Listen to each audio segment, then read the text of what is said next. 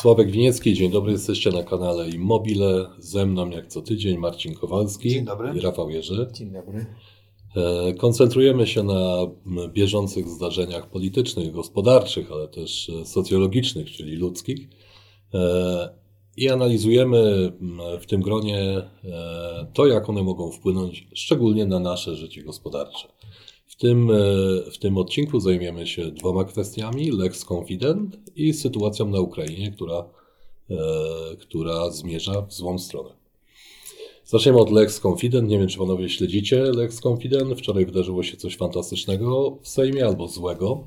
Marcin, z twojej perspektywy? Nie sposób tego nie śledzić, bo tak kuriozalnego, tak idiotycznego pomysłu dawno nie było w polskim życiu publicznym. E, Wiele tego typu absurdalnych koncepcji już dyskutowaliśmy i e, wiele tych koncepcji stało się prawem. Lex Confident, czy jak to woli Lex Kaczyński, e, przebija wszystko to, co do tej pory pod tym kątem mogliśmy No, co oglądać. ci się nie podoba w tej Pomysł koncepcji? mm, polegający na tym, żeby jeden pracownik siedzący na przykład w jednym biurze czy w jednym pomieszczeniu razem z innym pracownikiem mógł na niego donieść do wojewody dlatego, iż ten pracownik, który mm, został za, zakażony COVID-em, e, uznał, iż jego współpracownik nie jest szczepiony i na tej podstawie wojewoda może od tego mm, pracownika, przepraszam, nie uznał, że jest niezaszczepiony, tylko uznał, że Nie przedstawił, nie testu. przedstawił wyniku testu covidowego. A on zachorował. Mm, A on zachorował. Ja zachorowałem, ty nie przedstawiłeś testu. Ja idę do wojewody i wojewoda orzeka, że masz mi zapłacić na przykład 15 tysięcy złotych odszkodowania.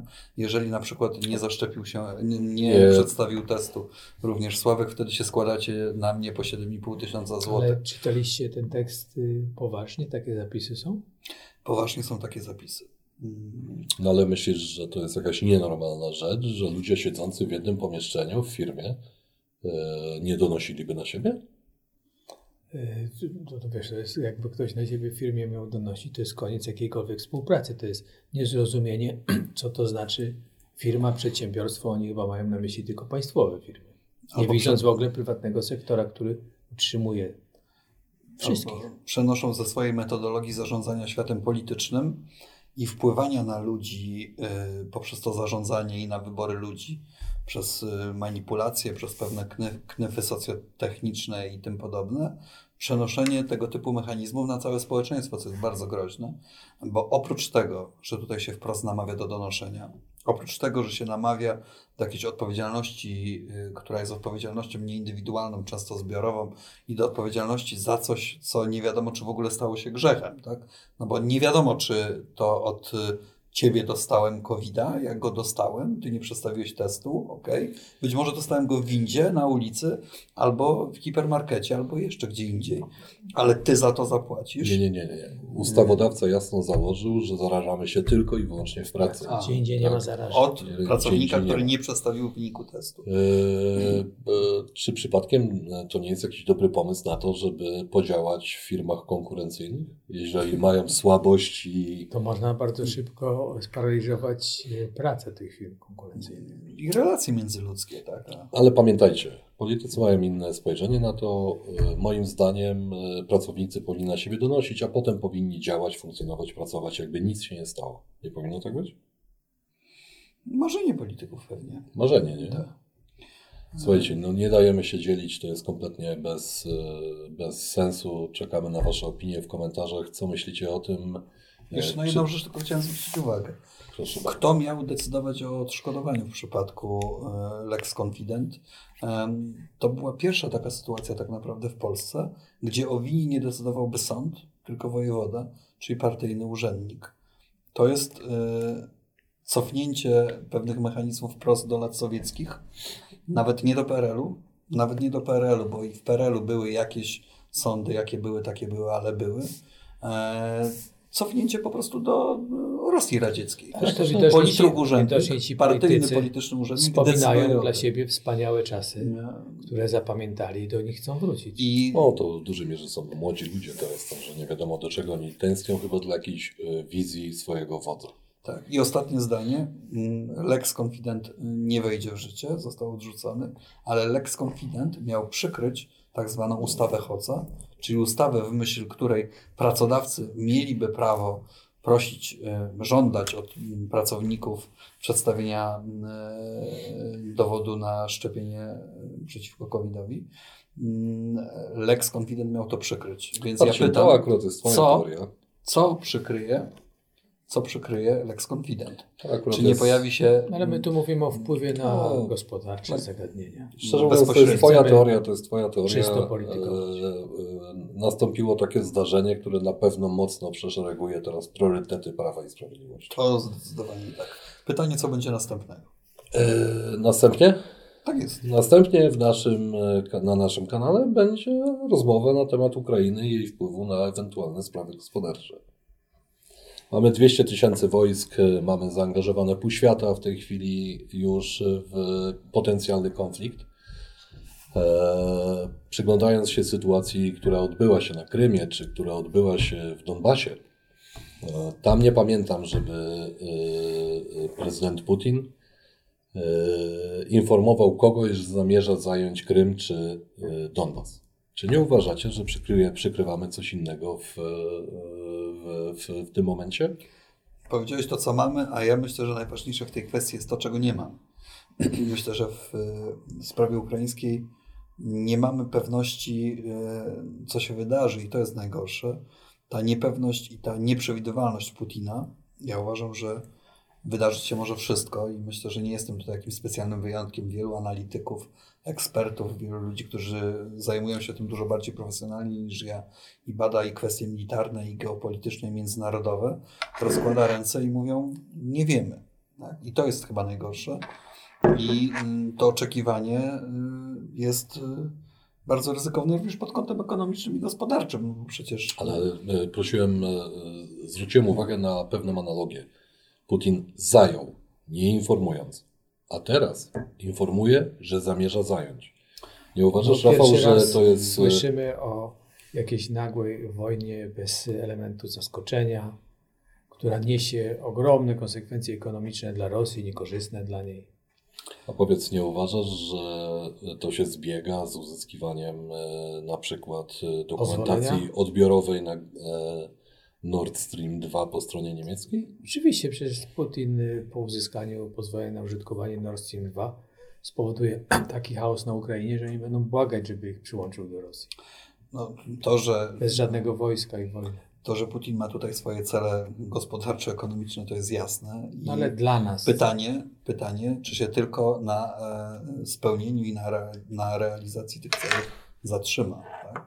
Czy to mm, pozwolenie na Nord Stream 2 i ugranie... Proszę podział rury, bo Tak. to jest trochę bardziej skomplikowane. To jeżeli ktoś chce zgłębić temat, zgłębić temat, to zachęcamy. Pytanie, czy to mu wystarczy. Tak? Pytanie, czy jak dostanie y, pozwolenie, to 200 tysięcy żołnierzy rozjedzie się do swoich jednostek. No ale do swoich jakie, domów. są, ale jakie są powody merytoryczne konfliktu? Bo e, ani to kwestie terytorialne, ani to kwestie mniejszości, ani to kwestie e, gospodarcze, bo Ukraina nie jest, e, e, nie jest zamożnym krajem. Jak myślisz, e, co leży u podstaw tego konfliktu? W przypadku y, myślenia Putina, takiego ka- kagiebowskiego myślenia rosyjskiego w tym najgorszym wydaniu, nie tylko kwestie racjonalne są istotne i ważne, i nie tylko cele gospodarcze, ale również kwestie emocjonalne i pewna wizja geopolityki, utrzymania pewnej mocarstwowości i tak dalej, i tak. Cały szereg innych czynników wchodzi w grę. E, Tam Widzimy emocje nie wchodzą w grę, to jest bardzo mądry, przygotowany do swoich działań to. przywódca. Emocje nie, ale granie emocjami Najlepszy innych, tak. w Europie. Czy najbardziej skuteczny, bo czy jest e, najlepszym, to szczerze mówiąc nie wiemy. On sobie faktycznie, e, to co mówi Marcin, nie radzi sobie bez wroga zewnętrznego, Tak. zaczyna natychmiast mieć problemy. Jest on obliczalny mimo wszystko. Nie wiem dlaczego. Myślę, że w drugim, trzecim rzędzie w Rosji są osoby, których dzisiaj nie chcielibyśmy mieć e, jako partnerów do rozmowy, zapewniam cię. Bez wątpienia myślę, że Joni Ławrow, minister spraw zagranicznych Rosji, E, E, Pewnie jeden z najlepszych dyplomatów na świecie to są ludzie, którzy są obliczalni, którzy rzeczywiście, jak kiedy ja powiedziałem emocje, to nie chodziło mi o to, że oni są poddani tym emocjom, ale że oni znakomicie potrafią tymi globalnymi emocjami grać. Tak. No dobrze, a jak to na nas, na gospodarkę Polski może wpłynąć? No, przede wszystkim to jest transport y, z Chin, który w tej chwili się odbywa do Polski przez Ukrainę i dalej. On został już przez Ukraińców ograniczany w tych ostatnich miesiącach. Ukraińcy nas za bardzo nie zachęcają do rozszerzonej pomocy dla nich w tych działaniach, które y, psują te gospodarcze interesy Polski. Na I na pewno Ukrainie, i z innymi krajami.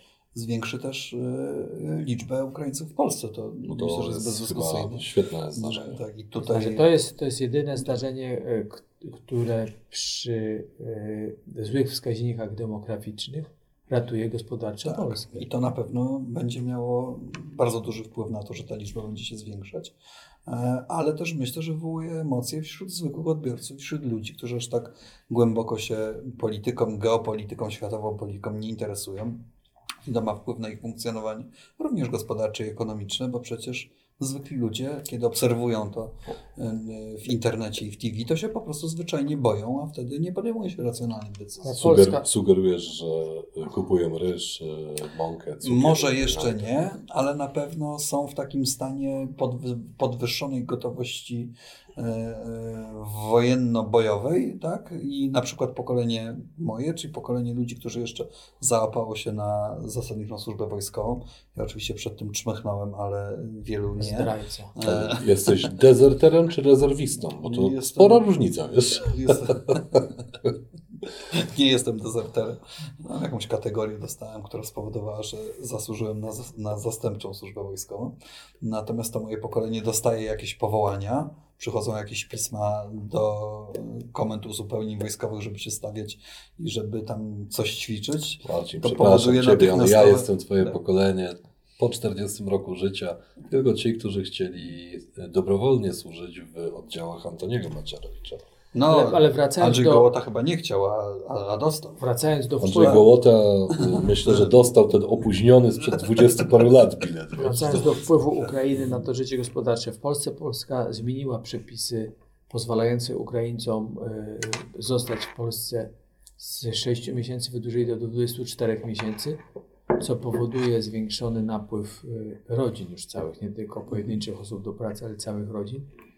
Wynajmują mieszkania, uczestniczą w życiu gospodarczym, co jest bardzo pozytywne, przecież my widzimy ich na co dzień. W naszym mieście również żyje około 30 tysięcy Ukraińców, prawda?